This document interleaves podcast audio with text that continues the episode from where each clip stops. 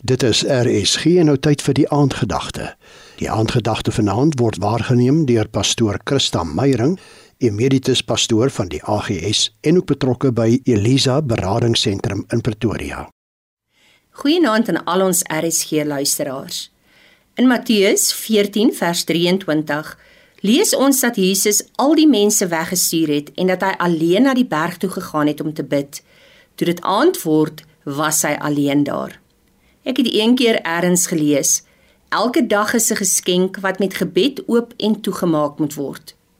En Jesus leer ons en wys vir ons die belangrikheid van gebed in die oggend, deur die dag, in die aand, altyd en oral.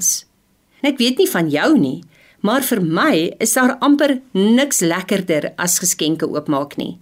Die half onbekende wat binne die papier skuil, hou vir my 'n sekere misterie in. En net so is elke dag van ons lewe 'n geskenk wat met gebed oop of toegemaak word. Ons dag is toegedraai wanneer ons wakker word in die oggend. Wat in hom wag of is, is vir ons onbekend. Ons kan dit nie sien nie. Jy kan raai en jy kan dit dalk skud en bevoel, maar dis onbekend, weggesteek vir jou oog. Om dus by jou dag uit te kom, moet jy dit waarmee dit toegedraai is oopmaak. En waarmee is dit toegedraai? Dis toegedraai in God se genade, sy beskerming, sy liefde, sy vrede, sy oppad wees met jou. En sodra jy in die oggend begin bid, begin jy dus die kleefband stukkie vir stukkie aftrek. Haal jy die lentjies af en soos wat die dag vorder, sien en beleef jy wat die Here alles vir die dag vir jou as 'n geskenk gegee het ontdek jy dat jou dag nie vir God iets onbekends was nie, maar dat dit iets was wat ons in gebed moet oopmaak en deur gebed moet hanteer. En in die aand, nadat ons die geskenk van die dag geleef en ervaar het, kom ons weer op 'n plek waar ons alleen met die Vader is, waar ons vir hom dankie kan sê vir hierdie dag.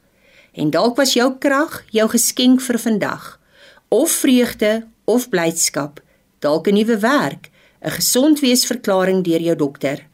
Maar mag jy vanaand alleen wees met die Vader en mag ek en jy hom dank vir die geskenk van nog 'n dag in ons lewens. Kom ons bid saam.